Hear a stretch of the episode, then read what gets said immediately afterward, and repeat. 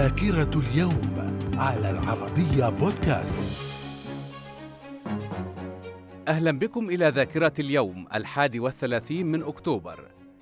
في عام 1858 أصدرت الملكة فيكتوريا أمرا بنقل حكم الهند من شركة الهند الشرقية البريطانية إلى يد الحكومة البريطانية. وبذلك أصبحت الهند رسميا ضمن مستعمرات التاج البريطاني. من الذاكرة. عام 1864 نيفادا تصبح الولاية السادسة والثلاثين في الولايات المتحدة.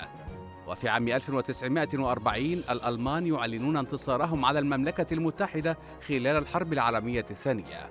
1962 صدور أول دستور في الجمهورية العربية اليمنية وانتخاب عبد الله السلال رئيسا للجمهورية. من الذاكرة. في 1984 اغتيال رئيسة وزراء الهند أندرا غاندي.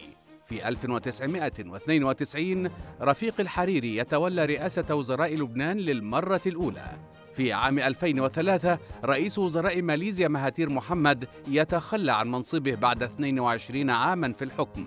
في عام 2016 مجلس النواب اللبناني ينتخب رئيس التيار الوطني الحر وقائد الجيش الأسبق ميشيل عون رئيسا للبنان بعد حوالي سنتين ونصف السنة من الشغور الرئاسية من الذاكرة. ومن مواليد اليوم الحادي والثلاثين من أكتوبر عام 1345 الملك فرناندو الأول ملك مملكة البرتغال.